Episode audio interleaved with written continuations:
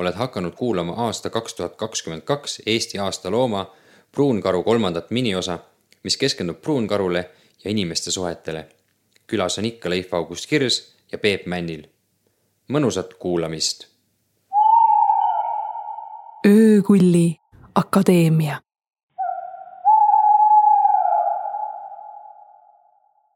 aga liigume edasi siis äh, üldiselt inimese ja, ja karu äh, suhetesse. Väga paljud inimesed ilmselt kardavad karu. küsin teie käest, et kas karu on mõtet karta või millal teda on mõtet karta, kui üldse on?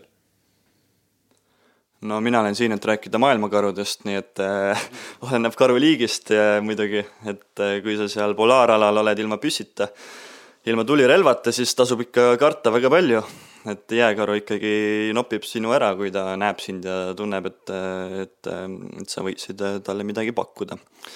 Aga Eestis, kindlasti Peep oskab selle kohta paremini rääkida, Eestis metsa minna või metsa minemata jätta, sellepärast et seal elavad karud, on üsna, üsna narr mõte, et nagu me siin juttu alustasime, siis äh, karu reaktsioon inimesega kohtudes on ikkagi pigem pöörata ots ümber ja ja põgeneda võsastikku.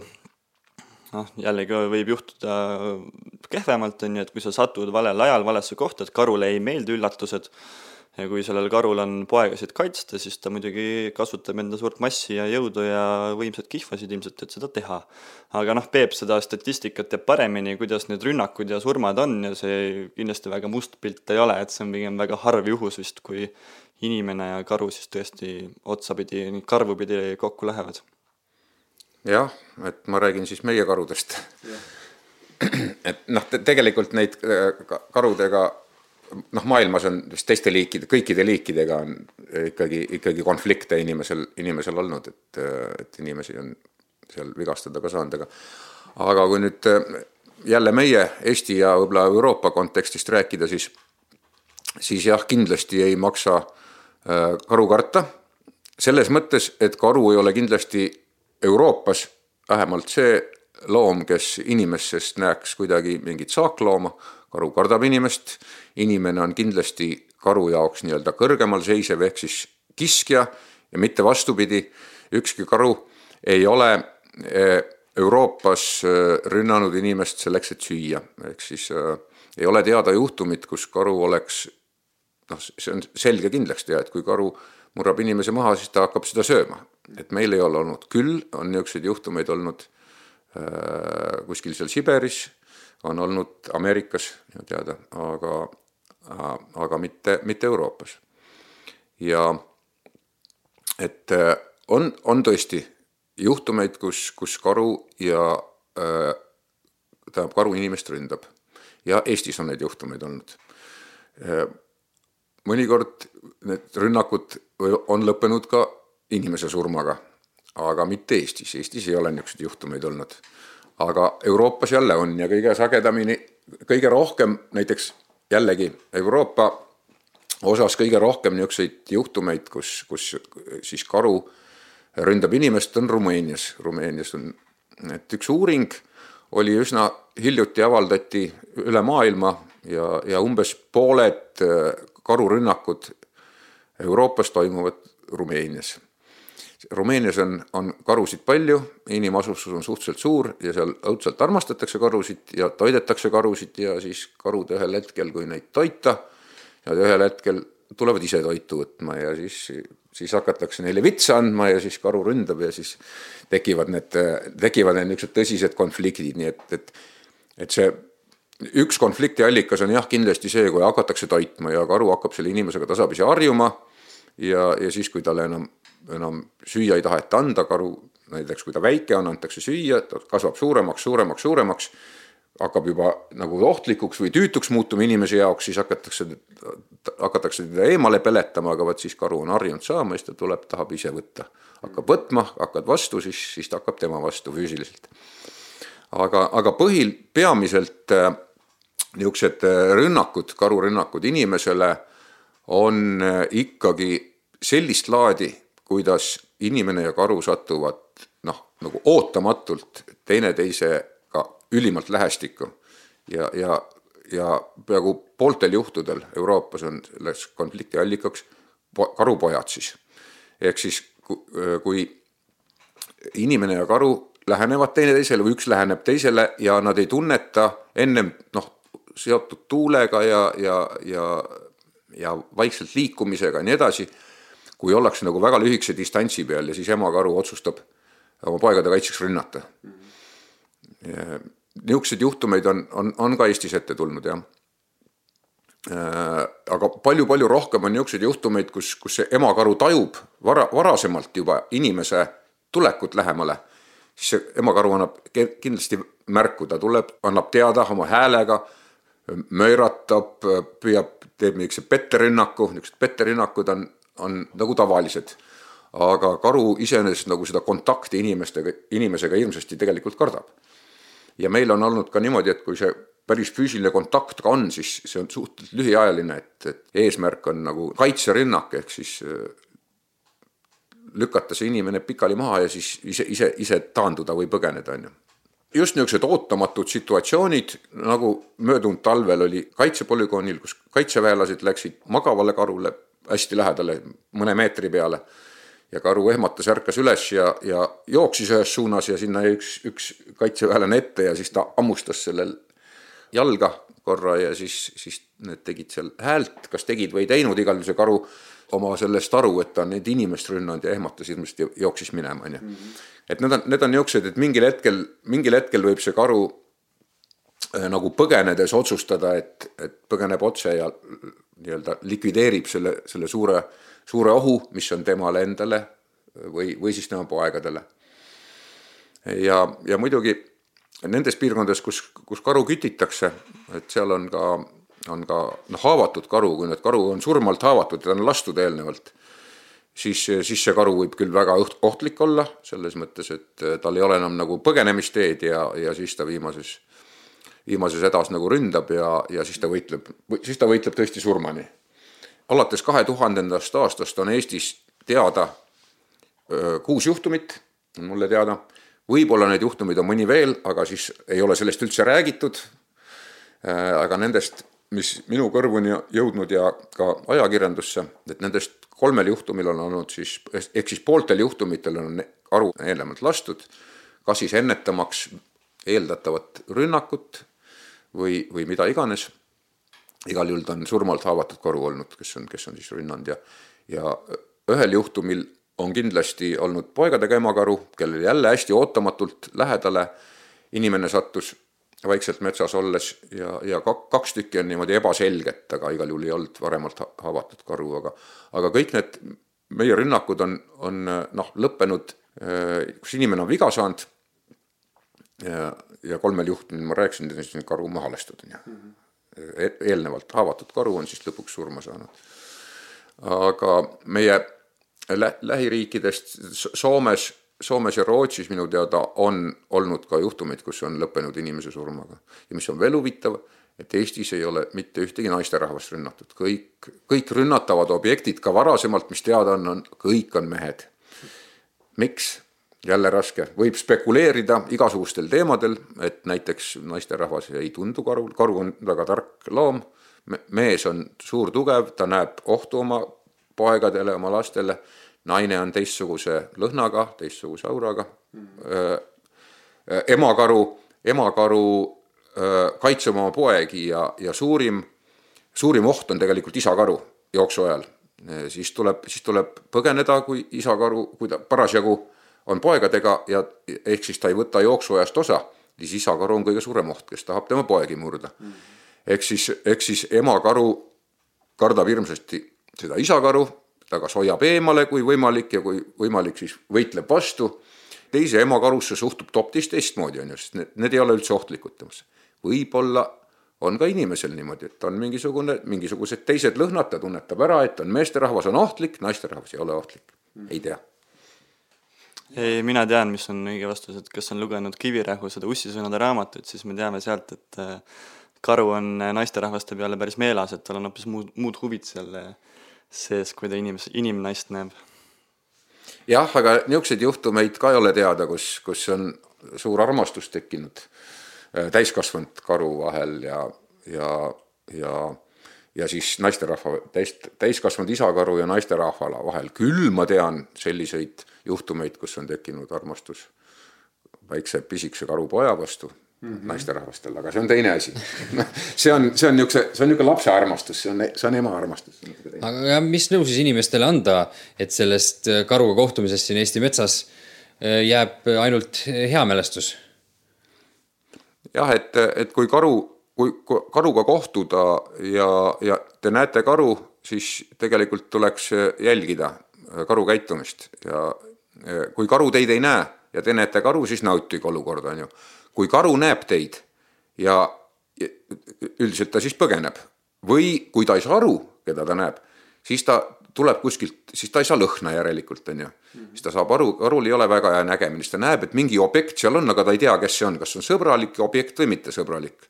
siis ta, siis ta tõuseb taha käpa peale, tahab paremini vaadata ja proovib lõhna võtta. kui ta lõhna ei saa, siis on järelikult tuul karu poolt, on ju. kui ta, kui tuul on teie poolt karu poole, siis ta saab lõhna ja siis ta põgeneb minema kui ta lõhna ei saa, siis ta võib, võib teha niisuguse väikse tiiru, läheb alla tuult, võtab sealt lõhna või võib ka igaks juhuks taanduda, aga pärast tuleb ta sinna tagasi ja nõustab, kes see oli, on ju. Hmm. sageli vist seda karu püsti seismist võibki tõlgendada nagu valesti, et, et justkui tundub, et ta nüüd hakkab ründama, on ju, et teeb ennast suureks ja ohtlikuks ja,. jah, jah, et tegelikult ta ei püüa ennast ohtlikuks teha mm. -hmm. aga, aga kusjuures, kusjuures kui näiteks ta on agressiivne ja, ja kaitseb oma poegi, siis ta, siis ta võib teha küll, ta, ta, ta jookseb küll ju kahel jalal, aga siis ta võib vahepeal tõusta püsti ja teha ennast suureks ja möirata, sest ma ütlen, see, see täpselt samasugune on efekt, kui ta tahab isakaru hirmutada, seda, seda ohtlikku isakaru, siis ta täpselt samamoodi teeb niisuguse petterünnaku, teeb ennast suureks, üritab seda, seda nii-öelda võimalikku vaenlast hirmutada, et see läheks tema poegade juurest ära mm. -hmm. et aga, aga sellisel juhul teeb ta kindlasti ka häält ja, ja siis ta, tema silmis on näha seda agressiivsust, seda kaitseagressiivsust. Äh, nii et kui karu näitab välja oma käitumisega, ta saab aru, et, et, et, et, et te olete seal ja, ja näitab välja, et ta ei taha sealt ära minna, siis tasub igal juhul taanduda, ehk siis minna vaikselt minema. Öeldakse, on öeldud, et ei tohi jooksma hakata, et see väljendab temas kiskeinstinkti see ei ole õige, osad inimesed on ka jooksma hakanud ja just ma ennem rääkisin, et karu ei ole murdnud ühtegi inimest, tal ei teki kiskeinstinkti. vähemalt Eestis äh, mitte. ei, ei teki äh,. miks ei soovitata äh, jooksma hakata, on see, et igasugune niisugune äkiline liikumine äh,, järsk käitumine võib selle karule tunduda agressioonina, ehk siis teiepoolse käitumisega, et nüüd te tahate rünnata ja tema poja ära murda, on ju. Mhm. ja, ja, ja siis ta võib rünnata, et, et see kõige rahulikum, kui rahulikult käitute, siis karu saab aru, et tema või tema pojad ei ole ohus. ja kõige parem on ikkagi taanduda. et min-, noh, ma alg-, alustasin juttu sellega, et, et kahel korral ma läksin nii-öelda kontrollima seda po-, ka, sinna karupessa kevadel talipessa, et kas on, kas on pojad või ei ole, mõlemal juhtumil olid seal väiksed pojad sees ja mõlemal juhtumil oli niimoodi, et see karu nägi mind, nägi mind juba. Äh, ühe korra ma nägin teda ennem, teinekord ei näinudki ma teda ennem, ta oli nii tihedas võsas, et ja, ja siis see karu tuli minu poole, et ta, ta alguses ei ole ju üldse agressiivne, ta, sa saad ta käitumisest aru, et ta et ta, et ta muutub nagu närviliseks, tuleb vaatama, et mis seal toimub, on ju, kes seal on. ja kui ma oleks edasi läinud, no siis oleks väga ohtlik olukord, võib-olla oleks mind maha murdnud, on ju. aga siis tuleb rahulikult taanduda ja, ja, ja karu, karu läheb oma laste juurde tagasi, natuke aega on närviline seal ja muidugi ma ei soovita ikkagi minna häirima kunagi niimoodi mm. -hmm. aga, aga tookord oli lihtsalt uudishimu sai, sai võitu ja ma tegin kõik noh, väga ettevaatlikult mm. -hmm. aga esimene kord oli fotoaparaadi klõpsu peal, et ma läksin kogu aeg lähemale ja pildistasin, aga see oli see vana peegelkaamera ja ükskord oli kuulista ära selle peegelkaamera klõpsu yeah.. et äh, ja, ja noh, üks soovitus on see, et soovitatakse ju ammu teada, et, et kui karu ründab, siis teeskle surnut. et see on, see on nüüd sellisel juhtumil tõesti kui, kui see karu tõesti reaalselt juba, juba ründab ja juba on sul nii-öelda füüsiline kontakt selle karuga, et mm, -hmm. et siis, siis soovitatakse tõesti just pruunkaru puhul, et lama maast eeskla surnut. põhjendus on see, et kui sa oled rahulik ja ei liiguta, kui sa oled pikali maas, siis, siis sa ei ole ohtlik temale, temale ega ta poegadele, e-, eeskätt poegadele just, sest pikali maas keegi ei ründa pik, pik, pikali maas, on ju. ja ja, ja siis see karu jätab rahule ja läheb minema. ja nii ongi olnud ja, ja ka nendel juhtumitel, kus, kus on hakatud nagu kõvasti vastu võitlema selle karule, seal käitud jällegi agressiivselt ja saad rohkem viga. aga, aga raske on seda soovitust anda, kui karu ikkagi juba hammustab, hammas on juba või, või sinu käsi või jalg on tal hammaste vahel võib-olla see on lihtsalt loomulik reaktsioon, et sa püüad vastu võidelda, kuigi tegelikult, tegelikkuses kõik need äh, soovitused on, et ära võitle vastu, siis ta laseb su lahti ja läheb minema nojah, siin on ju soovitatud ka, et noh, ei ole lihtne on rääkida siin laua taga, väga lihtne. et aga noh, et ongi soovitatud ka ju, ma ei tea, mingit luuletust lugeda või lihtsalt enda ette nagu rääkima hakata vaikselt, et iseennastki nii-öelda maha rahu, rahustada selles situatsioonis. aga üks asi vist veel, mis äh, ei ole väga hea mõte, on äh, siis puu otsa ronida, et eriti kui on ema karu poegadega, et siis ta võib arvata, et, et sa hoopis ronid poegade jah, seda, ja üks asi on just nimelt rahulikult rääkida, et, et karu kuuleks seda, seda nii-öelda rahulikku inimese häält, et ta saaks aru, et tegemist inimesega on, kuigi ta seda ka alati ei usalda, ta usaldab ikkagi lõhna kõige rohkem. röökimine, karjumine, arvatakse, et see hirmutab karu ära. ei hirmuta, kui tal on, kui tal on poe, poegade kaitse, siis, siis see karjumine ei hirmuta teda ära, vaid see võib jälle toi-, noh, see on nagu vasturünnak, see on tema möirgab ja sina möirgad vastu, on ju, et ma tahan su poega ikka kätte saada mm.. saab tema niimoodi valesti aru, on ju. et äh, ja sama, et ei tasu röökida.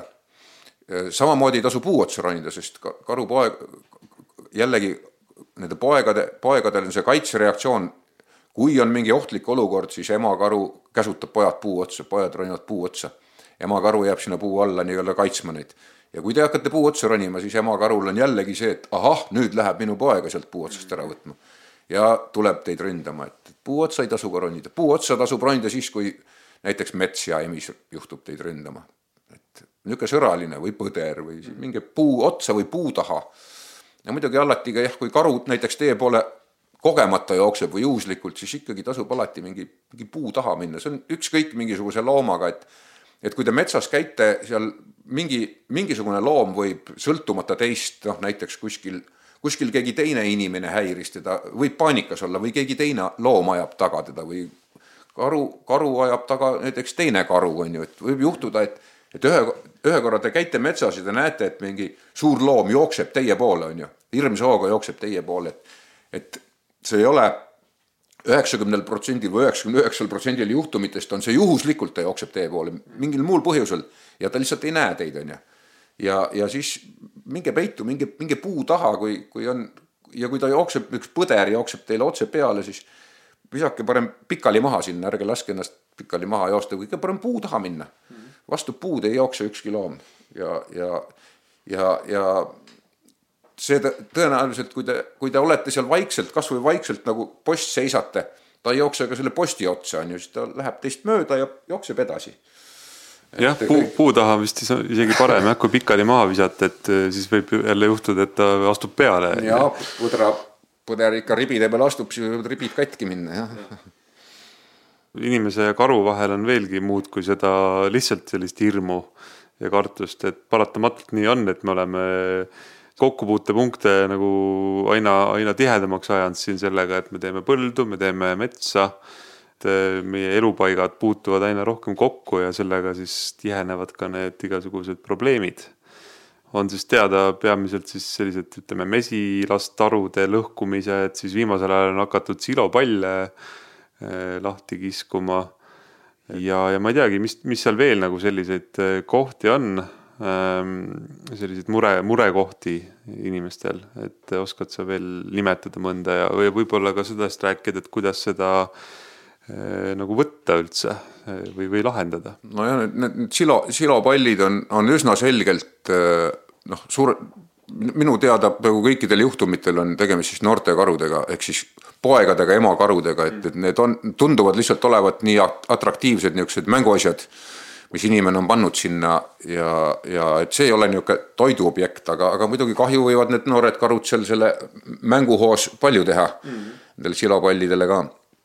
mesitarud on muidugi, muidugi äh, muidugi need, mis, mis on ikkagi toidu pärast selgelt, selgelt võetakse ja, ja laiali lammutatakse ja sealt neid hauet ja mesilasi ja, ja mett ka ära süüakse. Nende mesitarude puhul, et, et, et karu jaoks on need samasugune mesipuu nagu, nagu võib-olla mingi looduslik, looduslik mesipuu, et, et karu ei saa aru, et see, et see on inimese oma seal ja et seda puutuda ei tohi, noh nüüd silopallidega samamoodi, et karu võib ju kui võtta nüüd inimese järgi, siis karu võiks ju arvata, et need on just temale sinna mängimiseks toodud, nendele karupoegadele, et neil lõbusam oleks, on ju, et inimene paneb ju, paneb ju loomaaias igasugu lõbustusasju ka loomadele, on ju, et inimene paneb loomadele lõp-, lõbutsemiseks tegelikult igale poole asju no,. ja, ja, ja, ja kus karu seda teadma peab, et nüüd see on nüüd, mida, millega ei tohi lustida ja millega võib lustida. ja, ja, ja, ja noh, mesitarudega on sisuliselt sama, et kui, et, et kui viiakse see mesitaru sinna metsa, see on üks, see on üks tõsine energiapomm, on ju. ja karu ei tea seda, et, et see nüüd inimese oma, et seda võtta ei tohi, et iga, iga see mesinik peaks mõtlema selle peale, et see karu ei ole mitte paha ja kuri ja kui ta mesilat tuleb sööma, vaid, vaid karu ei tea seda lihtsalt. et ei tohi, inimene ei tohi mõelda nagu, nagu, et karu mõtleb nagu inimene, ei mõtle üldse mitte ainult karu, vaid ka iga teine metsloom, et neil on, neil on teistsugune arusaam natuke, nende jaoks on see, kui inimene, jahimees viib, viib metsa öö, oma söödakoha peale, viib hunniku vilja ja, ja, või õunu, on ju, vot siis on see karule viidud, on ju. Aga kui sa viid selle mesitaru sinna kõrvale, siis see ei ole karule mõeldud, et kust karu seda teadma peab? Mm.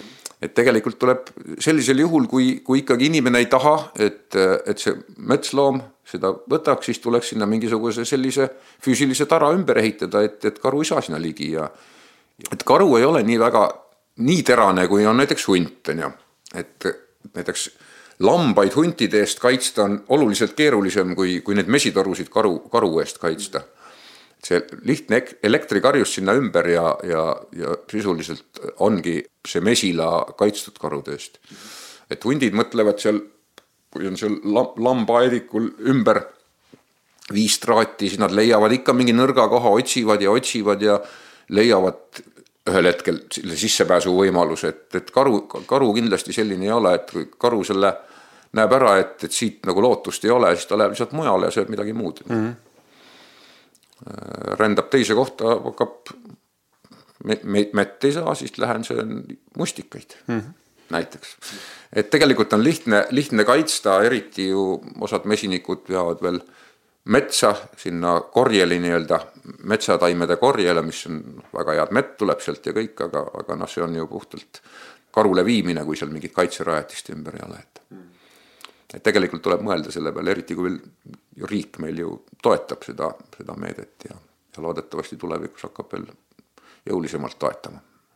selge, selge, aga ega ju ainused kohtumised või noh, mitte kohtumised, vaid üldse suhted ei ole ju negatiivsed, karu on meie meie folklooris ja, ja meie, meie mälestustes ja legendides väga suures osas ikkagi sees. Igal pool, tal on erinevad hüüdnimed, noh, mesikäpa ja, ja laikäpp ja, ja ott ja mida iganes et äh, miks karu sellise staatuse või, või, või sellise on saanud siin meie, meie ühiskonnas, üldse siin Põhjamaadel?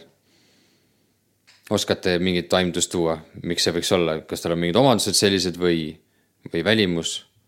jah, ta on isegi soome-ugri rahvastel selline püha loomaks äh, tembeldatud, et, et ilmselt temas mingi selline müstika seal leidub. noh ma, oskan, oskan nii palju öelda, et karu on kindlasti oma kehaehituselt äh, inimesele kõige sarnasem mm.. et seda on ka jahimehed ütelnud, et, et lasid karu ja, ja oli see ära nüritud karu, siis oli täpselt nagu inimene, et uhku mm., uhku vastik, et nemad enam karu küll lasta ei taha, et, et ta on liiga inimese sarnane, onju. eriti just selle keha, keha poolest ja, ja. ja see võib väga, väga nagu kindel selline põhjus olla. Lähme selle juurde siis praegu. ma ju töötan loomaaias ja ma teen pidevalt päevast päeva nii-öelda tuure seal inimestele ja lähme jääkoru vaatama. ja ikkagi alati on see reaktsioon, et mõmmi, armas, eh, kas ma saan pai teha, on ju, noh, niisugused küsimused, et ei, et ei seostata üldse tihtipeale, et noh, ju ta on loomaaias, ju ta on siis armas, kodustatud, ei ole üldse metsloom, ei ole ohtlik.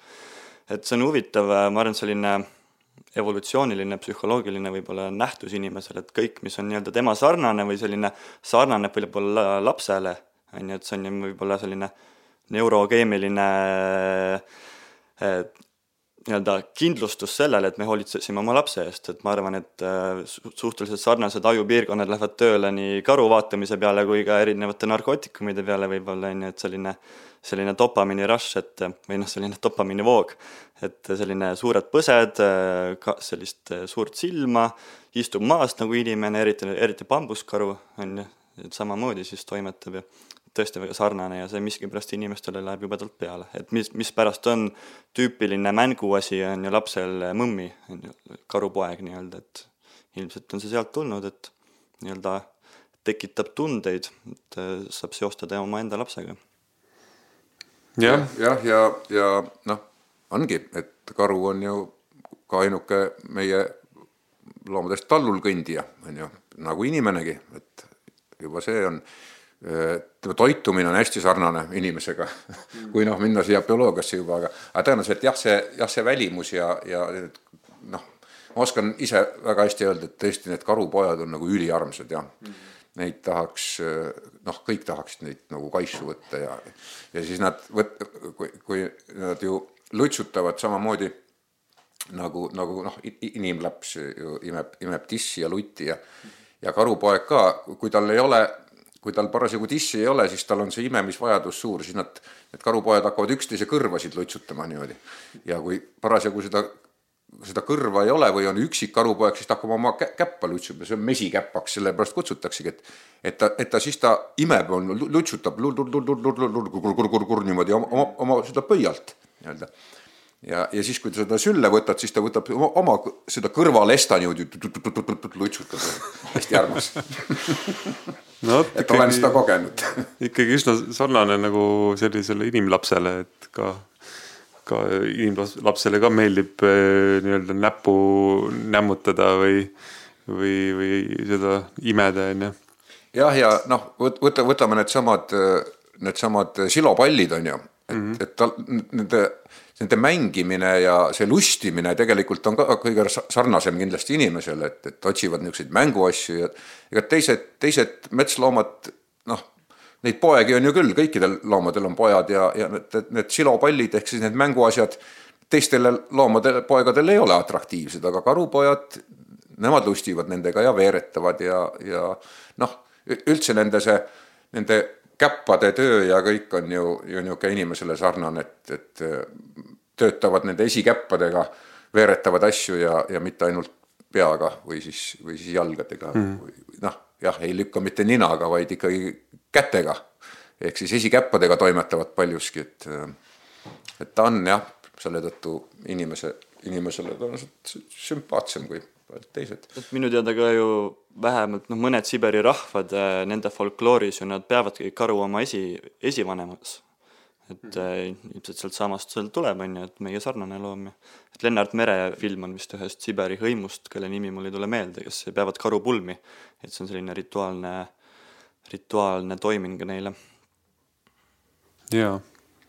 jah, ja, ja, ja see võib-olla mingist, mingist kitsest või, või põdra, põdra lapsest suurem hundiarmastus keskeltläbi suurem on tingitud on sellest, et nad on hästi sarnased koertele ja, ja Ilvese armastus võib-olla sellele, et nad on jälle kassidele, mis on noh, nad on ikkagi kodustatud ja koduloomad on ju. Mm.. ka karu, karu, karude puhul ei ole, karu, karu, karulasi nagu koduloomadena ei peeta ja neid aretatud ei ole, et ju nad ei ole siis väga äh, Nad muutuvad ikka, nad on ikkagi suured ja, ja nad võivad muutuda äh, mingist, äh, mingist east ikkagi ohtlikuks inimesele. just.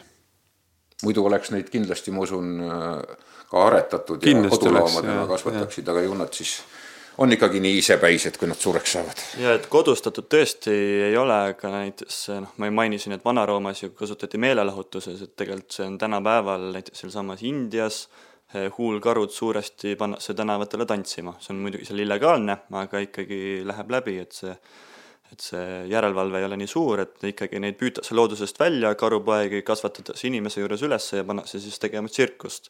või siis pannakse karud omavahel võitlema kuskil Pakistanis, et see on siiamaani töötav asi, toimiv asi. jaa, ma arvan, et selle niisuguse inimese-karu võrdlusega ongi hea siin lõpetada, et äh, võtaks veel Eh, karuaasta niimoodi sündmused, mis, mis meid ees ootavad kokku siin korra, et, et äh, tulemas on siis mõned, mõningad karumatkad ja vestlusõhtud. Ka karumaalide näitus on plaanis ja, ja võimalik on osaleda siis aasta jooksul siin luulevõistlusel, pigem siis aasta lõpus kui ka nüüd suvel kuulutatakse välja ka fotokonkurss äh, koostöös lätlastega et seal on näiteks üks auhind on ka karuvarjesse saab minna siis karu vaatama või, või pildistama.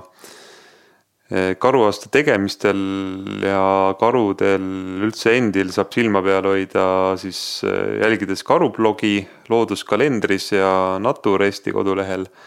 Ja nagu siin juba Peep ka mainis, et RMK nii-öelda karukaamera on siis üleval ja täiesti maist oktoobrini jälgitav ja teist aastat järjest on siis õpilastel, kooliõpilastel võimalik teha valik ka aastalooma loovtöö teemadel siis karu, karuteemade seast. seda saab teha siis Terioloogia Seltsi kodulehel. ja sealt seltsi lehelt ilmselt leiab ka sellist muud infot, samamoodi looduskalendri lehelt jooksvat infot, mida kõike karuaasta all teha saab aga meie täname siit omalt poolt äh, külalisi, äh, Leifi ja Peepu ja, ja täname kuulamast. Äh, loodame, et oli põnev saade. meil vähemasti oli küll väga põnev vestlus siin. jah. aitäh kutsumast. aitäh kuulamast. palun, palun ja juba järgmise korrani siis, nägemist. Nägemist.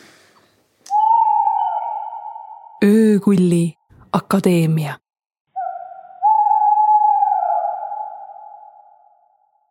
saate toimetasid Lennart Lennuk ja Eke Västrik